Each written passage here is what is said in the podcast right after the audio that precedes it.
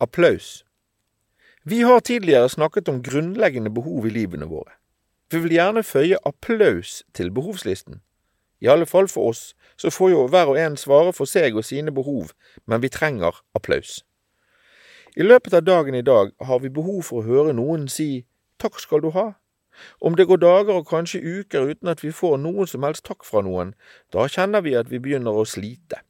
Vi blir usikre. Var det ikke bra nok? Har vi sagt noe feil? Hvorfor fikk vi ikke svar på mailen eller meldingen? Og vi begynner å få en litt ekkel følelse av at vi har gjort noe feil. Resultatet blir at vi begrenser oss og ikke våger oss frempå neste gang. Vi trenger alle applaus. Vi trenger respons fra omgivelsene. Og mest av alt positiv respons.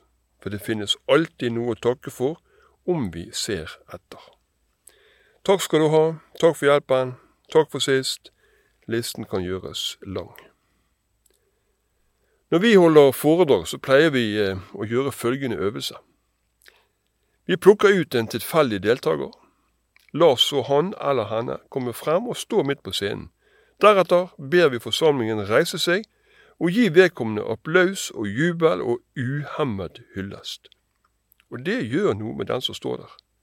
Smilet kommer alltid frem, opplevelsen sitter lenge i.